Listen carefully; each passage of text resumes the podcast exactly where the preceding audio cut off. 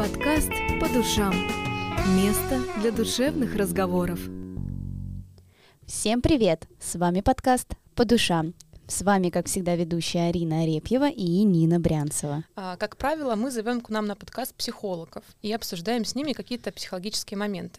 Однако сегодня мы покажем обратную сторону медали и пообщаемся с тем, кому была нужна помощь психолога в определенный момент.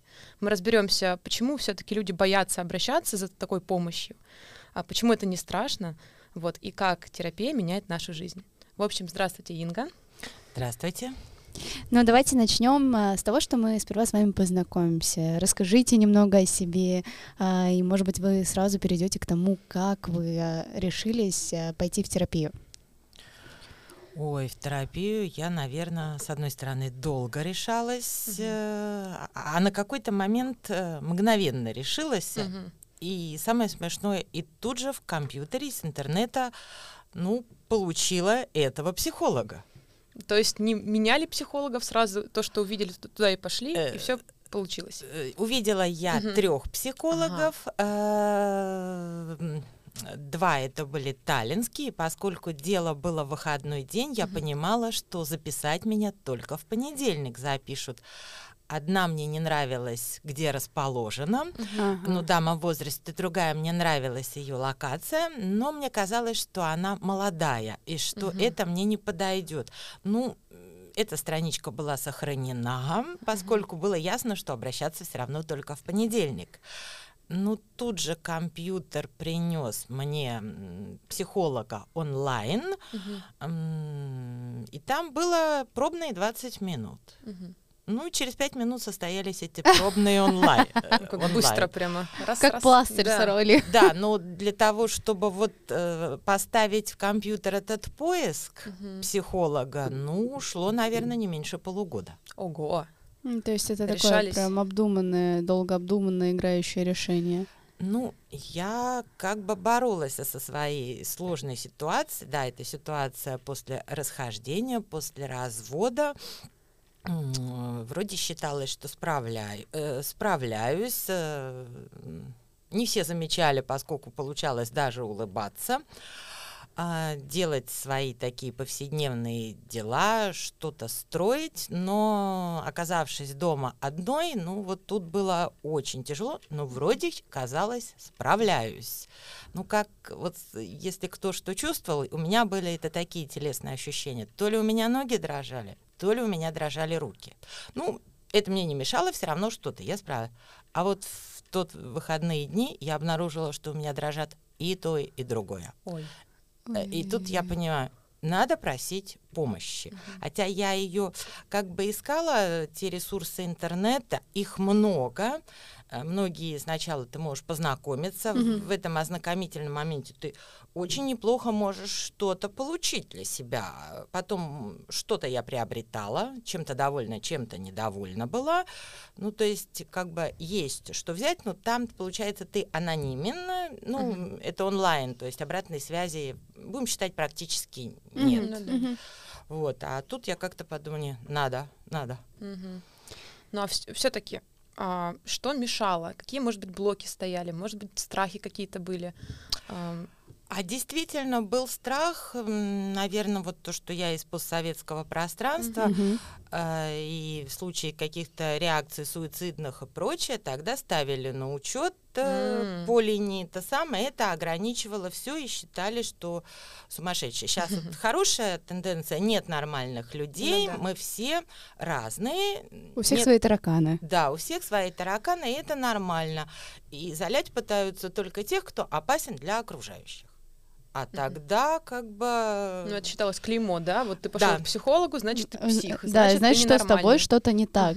И Да, как бы тобой... что-то, Мгм. что-то не так. Поэтому даже получая терапию, ну, в принципе, я как раз смогла сказать своим подругам, Мгм. что я ее получаю и так, как классно, в принципе, тогда, когда мне психолог сказал, мы можем с тобой продолжить, но вообще я готова тебя выписать. Мгм. То есть, вот, ну вот такое советского это самое, она не намного старше меня, но постарше, то есть тоже с, постсоветского как бы пространства, то есть ты больше не нуждаешься. Если тебе что-то надо, пожалуйста. Ну, то есть, как я говорю, меня выписали. Ну и, в принципе, как вот вариант выписала, я смогла сказать, что я нашла потрясающего психолога, а, ну, может, вот это говорить и хвалить потрясающе, может, неправильно. Я нашла своего психолога. Вот, который подошел. Который подошел. Потому что, да, часто же бывает так, что приходишь к одному психологу, ты такой, да ничего не получается. Да люди годами ищут психологов. Да, да, да, да, да. И как бы, но тут, когда годами ищут, я тоже с, кем- с кем-то разговаривала, что это значит, что уже не в психологе проблема, а что-то человек не может ну, открыться психологу. Возможно. То есть здесь тоже надо учитывать этот момент. А, а как бы чаще всего, да, тебе приходится два-три психолога перебрать, чтобы дойти до своего. Но вот в случае Инги это получилось вот так вот моментально и замечательно. Не, ну было же все, все равно три психолога изначально вы выбирали. Я, выби- угу. я выбирала, ну, те дамы, которые вот у нас в локации в Эстонской, но угу. мне больше хотелось визит, вот, э, чтобы я видела лицо, угу. чтобы ви- видели меня. Я не очень верила, э, что как-то вот это онлайн... Э, Может помочь. Э, для начала, вот мне казалось, что дальше можем продолжать, угу. а для начала вот этот... Э, Первое знакомство какое-то, да? Да, чтобы... на, на, надо, чтобы уви- увидеть друг друга, чтобы специалист увидел меня и а, так, контакт глаз. Э, да, mm-hmm. то есть я выбирала, я тогда не подъехала, не позвонила. Ну, mm-hmm. а если бы я позвонила, я, скорее всего, попала же на ресепшионистку, которая просто mm-hmm. записала. Да, то есть нет, вот выбор был. Ну а почему компьютер при, принес? Ну вообще, в принципе, я знала, хочешь что-то найти, загружай запрос, э, интернет подведет тебе да, разные да, да, предложения, а в принципе, как я поняла от психолога, э, как вы только у себя в голове озвучиваете запрос, Вселенная тоже так же, как интернет, поворачивается и предложит вам какие-то угу. ответы. То есть поэтому, ну а там что получилось? Я нажала эти кнопочки, которые надо было нажать. Ответ пришел быстро. Вы сейчас готовы? Да. То есть э, специалист был свободен. Угу. В том центре несколько специалистов. Угу. Я посмотрела, я думаю, вот я бы вот к этой хотела. Думаю, если будет это самое, я проговорю, прослушаю у них, попрошусь к этой. А там решу. Ну, она мне, в принципе, сразу ответила. Ну, вообще замечательно. Чудесная просто И история. И как долго mm-hmm. вообще длилась вот эта терапия? Ну, получается, я постучалась к ней в августе, а в октябре вот это было, как бы скажем, меня выписали. Угу. Мы продолжили общаться э, уже значительно реже. Угу. Уже по, по запросу, по вопросу. А первоначально вот, ну, получается, август, сентябрь, октябрь, три месяца. Угу.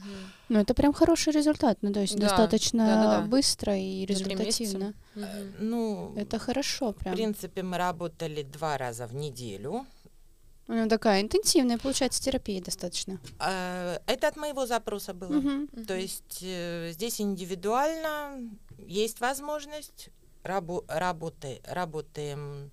Ну, во-первых, я сразу почувствовала, даже после этих 20 минут, облегчение, а у меня через была пауза полчаса, и дальше уже был полноценный сеанс. Mm-hmm. То есть я сразу приняла решение, вот за эти полчаса мне надо было справиться с кнопочками компьютера, провести оплату, ее почему-то немножко... Mm-hmm. Это было, это почему-то случилась какая-то проблема. Я реально провозилась эти полчаса с оплатой. Задача со звездочкой. Да, да. Оказалось, что самое сложное это не прийти к психологу, а оплатить потом. Нет, оплатить получается сразу. А. Это я потом уже угу. попала, так сказать, в число этих самых, и когда угу. были срочные моменты, угу. оплата уже делалась после. А первоначально, ну, мы же в разных вообще городах, угу. в разных угу. этих, понятно, что, в общем-то, работа идет по предоплате. Ну, конечно, да, да, да, да, да. А, и получается, да, три месяца. За это время, ну, вот был какой-то момент такой прям самый сложный в терапии? Ну да, многие же рассказывают, что ты приходишь иногда в какой-то момент на сеанс, и тебя накрывает, начинаешь плакать. Да, то есть в какой-то момент становится хуже, чтобы потом стало лучше. Угу. Было ли у вас такое? Не было у меня так. Я думаю, момент вот этого хуже, вот это тогда вот утром после чашки кофе, когда я почувствовала, что у меня все дрожит. Вот там, когда я в какие-то практики Мгм. влезала, там вот действительно это было то лучше, то накрывает, то хуже. Волнами так. Да, эти волны были. И, наверное, это была вот эта самая сильная волна утром, которую я вот Мгм. поймала. А дальше было э, лучше таких уже сильных волн не было. Ну, бывало, что надо э, что-то очень Прожить, так прожить, сказать. да. Но это на самом деле достойно уважения. То есть вы сразу взяли себя в руки. То есть когда почувствовали, что уже все не в моготу и я не справляюсь, вы не стали откладывать на куда-то на потом, на завтра, на понедельник, э, на следующий месяц, а сейчас. И это очень круто, потому что многие вот девчонки, мужчины, женщины, то есть все чаще всего они откладывают это такие. Сейчас посмотрим, как будет. Вдруг это еще неплохо. Да, да, да. Вдруг, Вдруг еще само это пройдет. такое, как Мгм. бы, ну, может быть, переживем. А в итоге-то не переживаются. И это все откладывается, откладывается, становится только хуже. А вы тут сразу среагировали на это. Это очень круто. А, но вы, получается, пришли, как вы уже сказали, а, после развода. да. А Сколько лет вы были в браке? А, Развод мы оформили чуть пораньше, потом после развода помирились. Ну, думаю, что в районе 20 лет общей ну, такая сложности. солидная цифра. Понятно, почему накрывала, я думаю. Да, да, да, Что да. после такого как бы... Ну да, замуж я, получается, выходила молодой девушкой, э, как-то настраивалась, что всю жизнь вместе, Ну да. старость встречать вместе, Мгм, а мгм. тут как-то это Раз и всё. раз, раз и все.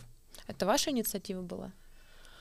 А, чья инициатива была? Да нет, наверное, мне уже просто пришлось принять факты, да- поставить ту точку, которую не смог поставить э, мой бывший супруг. Э, Из-за, в общем-то, жизни на разные страны фактически у него очень хитро сформировалось две семьи. М. И когда я Ага. Узнала, да, мы ссорились, я чувствовала этот не- дискомфортный момент, мы ссорились, ругались, мне говорили всякие Гадости. манипуляционные вещи, и в том числе иногда я слышала, э, кому же я нужна, и вообще красивая я была, и вообще в самом соку это в 35 лет, то есть э, такая очень аккуратная манипуляция была, что в твои ужасно. 50 ты уже это самое.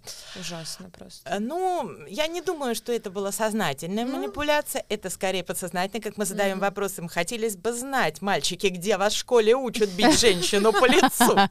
То есть нет, это, это уже другая история, откуда идут эти манипуляции, но Мгм. да, я на них попалась. Э, Ну, дальше вот, э, когда я вот этот момент узнала, я с этим еще месяца три сидела сама в себе, Мгм. а потом... Ну вот я эту точку поставила вот в, в октябре месяце, выписанная В октябре, э, получается, прошлого года? э, 20-го. Ага, 20-го. То есть после терапии. После терапии. Я А. окончательно точку Ага. То поставила есть вы не после- могли поставить точку, это тоже была проблема, получается. Это была проблема. Это, вот точку я поставила после терапии, притом у меня была очень такая смешная ситуация, от которой я в ванной комнате полчаса смеялась. Когда я стала эту точку ставить, Так. а, мой бывший муж не более и не менее отправил меня полечиться к психологу. Тут Ого. меня стало разрывать от смеха. Я закрылась в ванной комнате и первый раз писала э, эмейл с телефона. Обычно я пользуюсь компьютером, а тут мне очень хотелось поделиться с моим психологом, что меня отправили к ней полечиться. Ну вот тут как раз-таки я думаю, что бывший супруг имел вот именно тот момент, что иди к психологу, полечи свою голову, не с тем посылом, что тебе сейчас... Проработай по- себя, Э, вот это вот, что тебе помогут, тебе нужна сейчас помощь, а с тем, что у тебя в голове что-то не так, это не я говнюк такой, это с тобой Мгм. не так, и это ты виновата в том, что я еще и другую семью себе завел. Ну ни хрена себе как бы. Э, Это вот то, что говорят, не пытайтесь менять окружающих, поменяйте сами, а они изменятся или не изменятся, но тогда ваши дорожки разойдутся. Мгм. То есть я изменилась, до этого я... Ой, умеем мы глазки закрыть на то, чего Мгм. нам бы надо увидеть, то, что видят окружающие, то, что мы не хотим видеть, мы умеем глазки закрывать. Я не Мгм. исключение, их очень хорошо закрывала. Мгм. Он к этому привык, ему было комфортно. Ну, конечно. А тут э, я изменилась, и И он охренел. Да, да. А какой кайф я с этого словила. Ну-ка поподробнее. Ну вот весь, весь кайф, что я 20, я понимала, что я не хочу ему говорить э, о том, что это было. Я уже понимала, он ищет какие-то... Кто же на меня здесь в Сталине так повлиял? Mm. Мне было смешно, потому что он знает всех моих э, здешних друзей, mm-hmm. подруг. Он там то это, это, думаю. То не просчитал-то. Ну, эту-то даму он не знал. Да, да, да, да, да. Телефончики я очень хорошо прятала, диалоги с ней. Это, это больше всех пряталось, чтобы это было и ну вот. Угу. Не хотела я, чтобы знали сначала вообще все окружающие, а он вообще. Ну, тем более, да. И тут mm-hmm. вот э, такое, вот я же говорю, что я первый mm-hmm. раз, мне немножко из-за очков сложно в телефоне писать, э, поэтому mm-hmm. и тут вот мне и поделиться хотелось, ну, и, и ванная комната, включенная вода дала возможность посмеяться столько, сколько мне хотелось. Ой, да, это... Нет, слушайте, мне кажется, что это прям такой показательный момент, что терапия сработала. Да, вот да, такая да, вот да, точка, да, да. прям жирная. Что я могу... Угу. Ну, вообще оно с терапией, энергия добавлялась, драйв от жизни, угу. желание жить добавлялось. Угу. А здесь, конечно, просто за зашкаливало. Угу. Да, тогда вы поняли, что все. Это точка невозврата. Да, это, это точка невозврата. Ну вот э, получается, вы сказали, что вы сперва развелись, потом через некоторое время опять помирились, потом, получается, терапия пришла, и только после этого уже окончательную точку поставили. А, Правильно я сейчас выстроила да, эту цепочку? Чуть, чуть подкорректирую. Да, мы развелись, поделили имущество, угу. а, но, так сказать, я не знала о второй семье.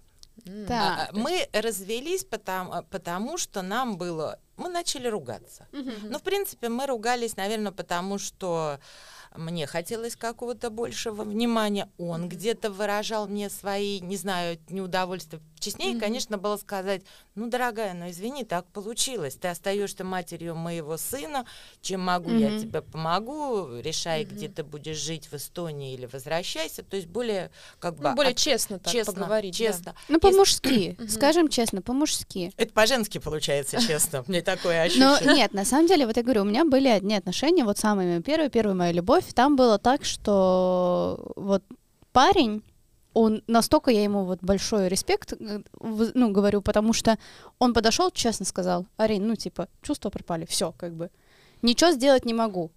И все, мы разошлись. У него своя жизнь, у меня своя, все по-честному. И был другой потом пассажир, который вот так вот меня несколько э, месяцев мучил, и я не понимала, что дальше будет происходить. То есть, ну вот есть же на самом деле мужики, которые умеют говорить честно с девушками. Слушай, мне, извините, перебью, мне кажется, здесь немножко другая история.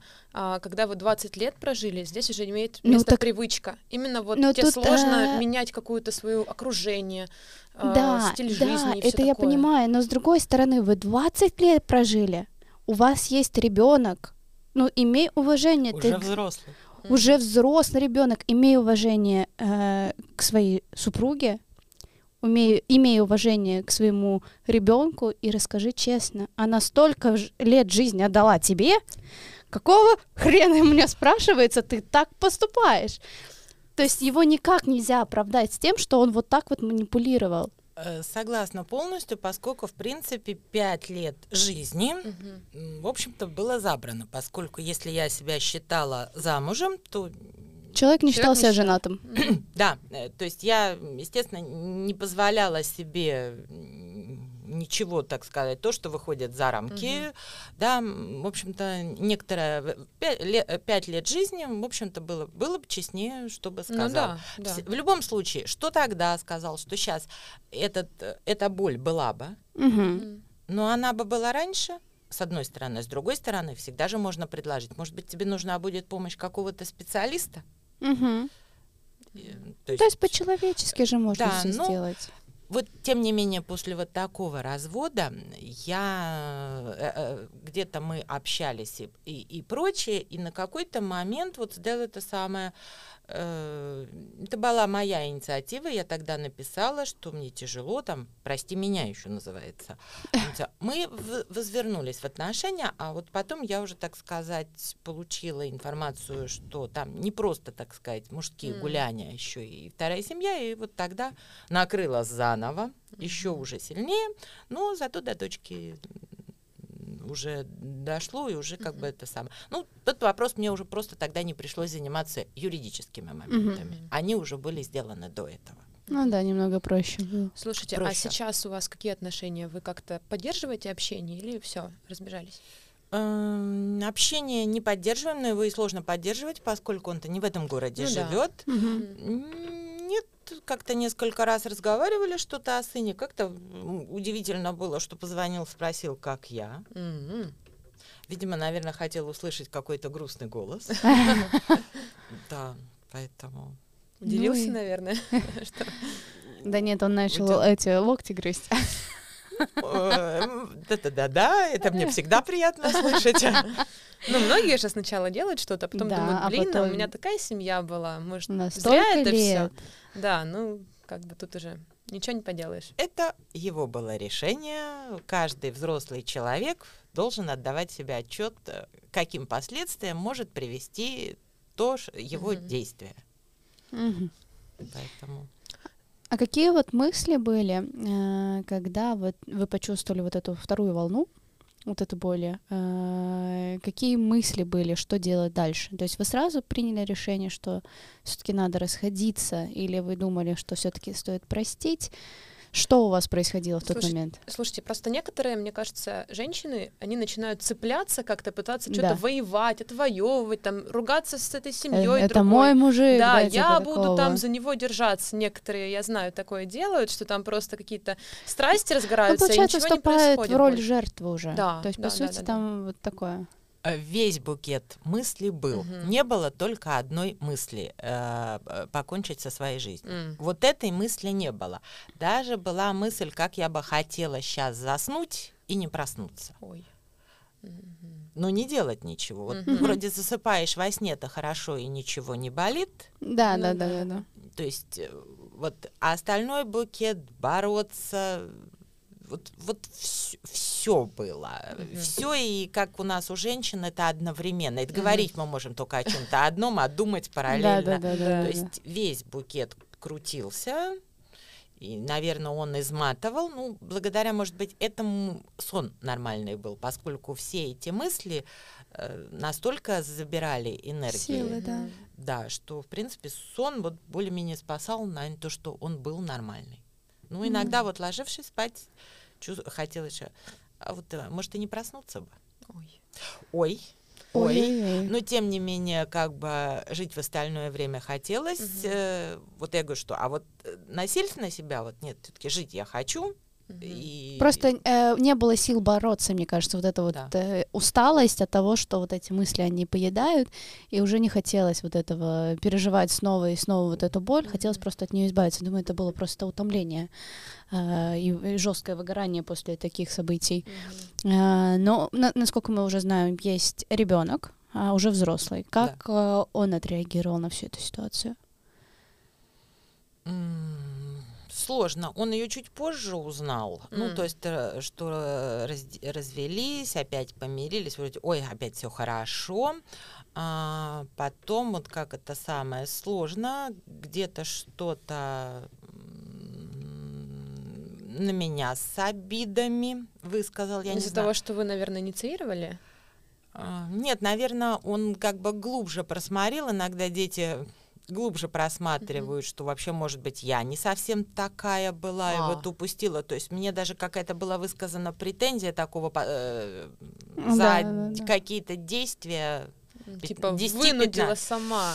Да, mm. да. С ну, одно... Как-то это нечестно, мне кажется. Э, ну. ну, ему же тоже больно было. С одной стороны, я понимала, я уже готова была говорить, так сказать, помощи психологу, и в том числе собственному сыну. Предлагала ему тоже, так сказать, пойти кстати, пошел. Mm. Но единственное, не по той рекомендации, что дала ему я, Мгм. а у него была другого формата консультации. Я так поняла, что если у меня эти были часовые консультации два раза в неделю, ну, можно было больше, но это часовая консультация была. У него была какая-то консультация пол- полного дня, 6 часов. Ого. Ого. Не слышала, кстати. Это- наверное, Но я слышала по три часа есть консультация. Ну, 6 часов как-то много. Ну, может, бывает, не знаю, не слышала. но это было один раз. Мгм. Может быть, иногда есть- это кому-то просто удобнее, а, и у него была очная, он ездил. Мгм. Не в Таллине было. Мгм. То есть вот. Интересно. мгм. друзья нашли, то есть это вот моя, кстати, психолог интересовалась, а вот типа кто там, ей немножко не все так как бы было, говорит, это самое. Я говорю, он сам это нашел через своих друзей. А, ну, значит, это вот у каждого же у них тоже своя Ну да. форма да. работы. То есть там ничего э, отец не, если бы отец рекомендовал, М, может ну быть, да, да, там. сказать, что-то было вложено психологу, Да, да, хочу, да, да. чтобы мой сын вышел с каким-то мыслям, типа, кто оплачивает? Я говорю, нет, он сам нашел, независимо это самое, сам оплачивал. А отцу никаких претензий не было? Не знаю, А, не говорили. не знаю, не говорила. В принципе, наверное, были какие-то, потому что были у меня телефонные разговоры, когда мне говорили, что там наш сын на меня набрасывается. М, Ну, значит, конечно, были, я думаю, что. Что-то были. Может Видимо, быть, вопросы к обоим родителям были. Ну да. Э, Может быть, оно на самом деле и справедливо, что, ну, как бы он задавал какие-то вопросы, да, возмущался, он про- проживал свою боль э, не самым, да, корректным э, образом, не самым приятным для родителя, но то, как он смог, то он так и пережил, что и, ну, к одному и ко второму у него были вопросы, типа, Мгм. что произошло, все же нормально было. Мгм. Типа он не понимает в какой-то момент, э, что произошло в отношениях родителей, у которых, ну, 20 лет живут себе здорово и счастливо, а тут бац и, и развод. Ну Как- да, если ничего не предвещало, я думаю, что это у каждого человека нормальная реакция, это шок и, возможно, агрессия какая-то.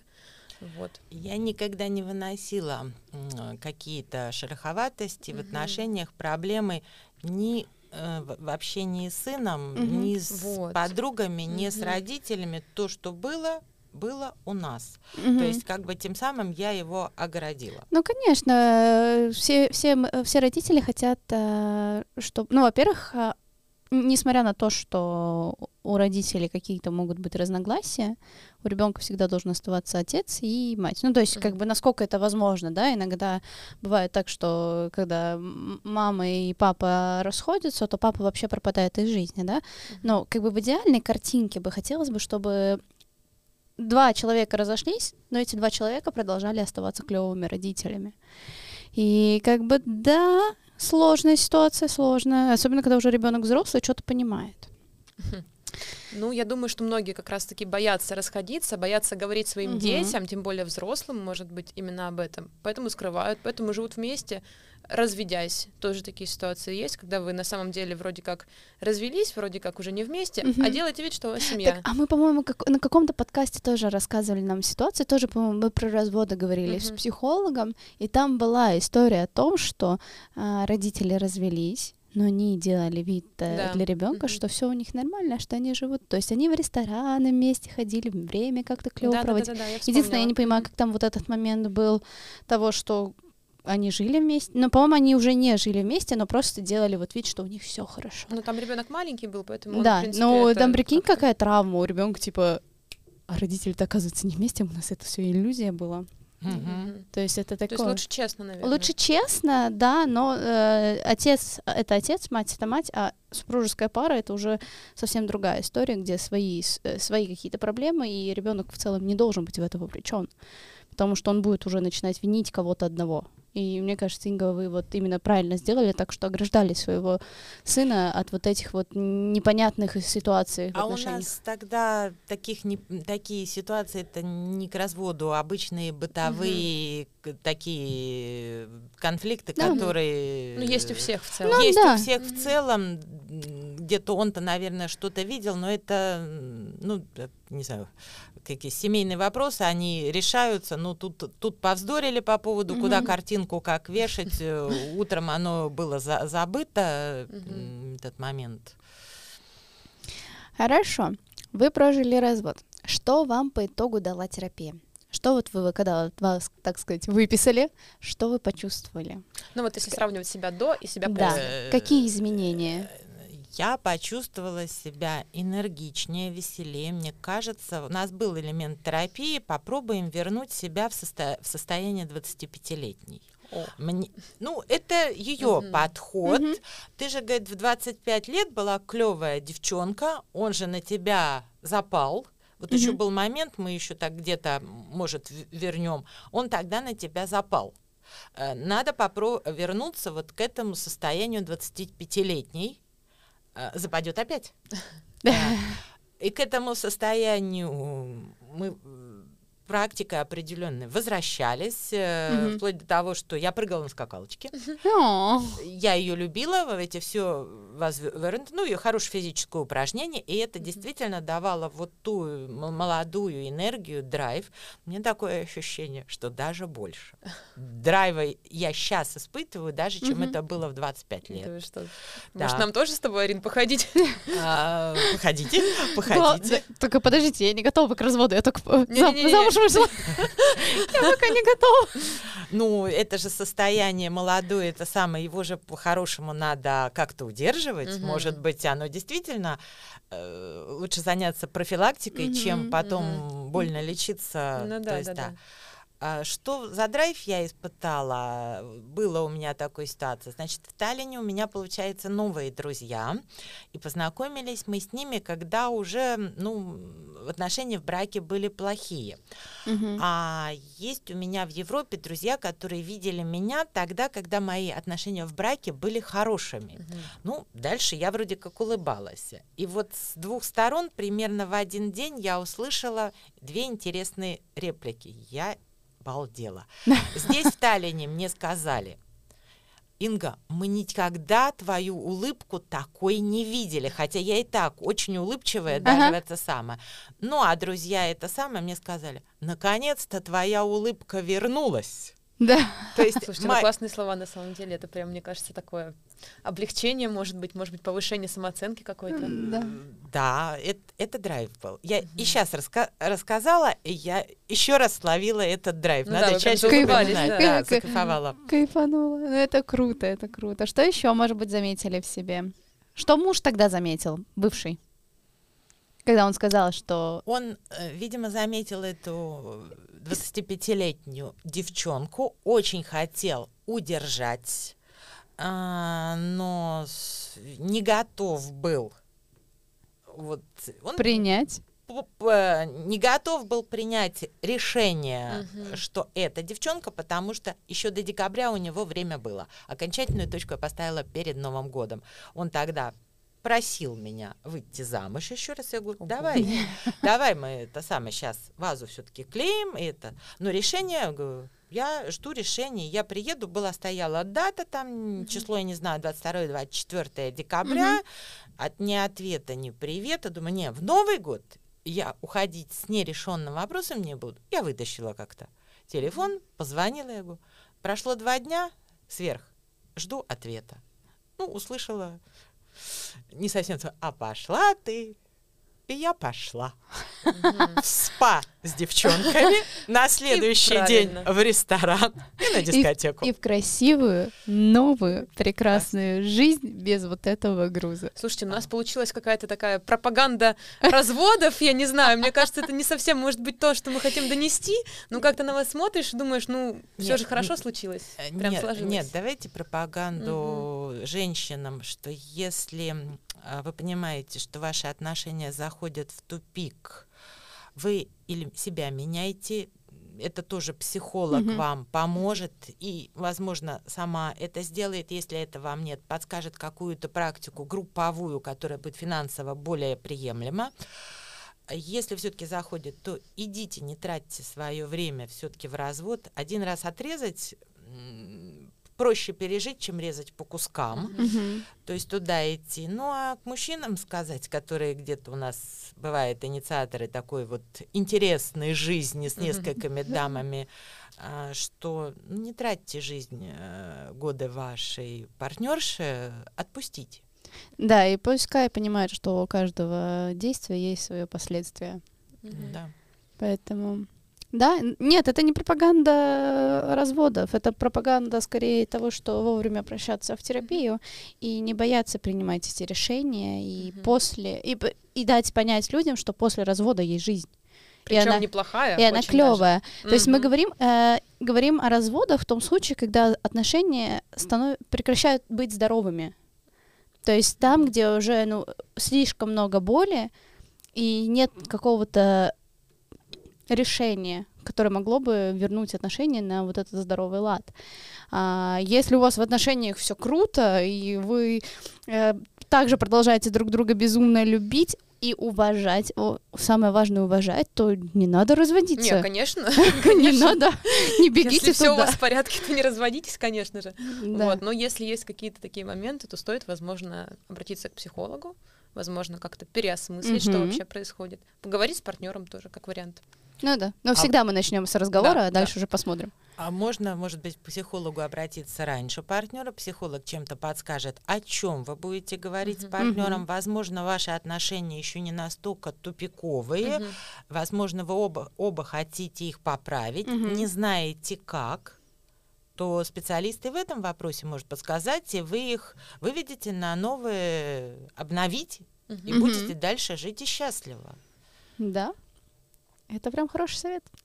У нас прекрасный подкаст получился, мне прям очень понравился. Это такая живая, классная Очень беседа. полезный прямо. вот. Очень полезно. Из первых рук. Да, да, да, да, да, горячий пирожочек Да-да. такой у нас. А, спасибо, Инга, вам большое за вашу историю, за вашу непростую историю, но со счастливым концом, как во всех сказках Мне бывает. кажется, вы вдохновите многих на какие-то такие действия, возможно, Да. на поход к психологу. Да, не, на развод, да, Да. на поход к психологу, на поиск своего пути, своей терапии. Да, именно. А с вами был подкаст «По душам». С вами, как всегда, ведущие Арина Репьева и Нина Брянцева. А в гостях у нас была Инга, которая рассказала нам свою невероятную историю. Всем спасибо. Пока. Всем пока. Подкаст «По душам». Место для душевных разговоров.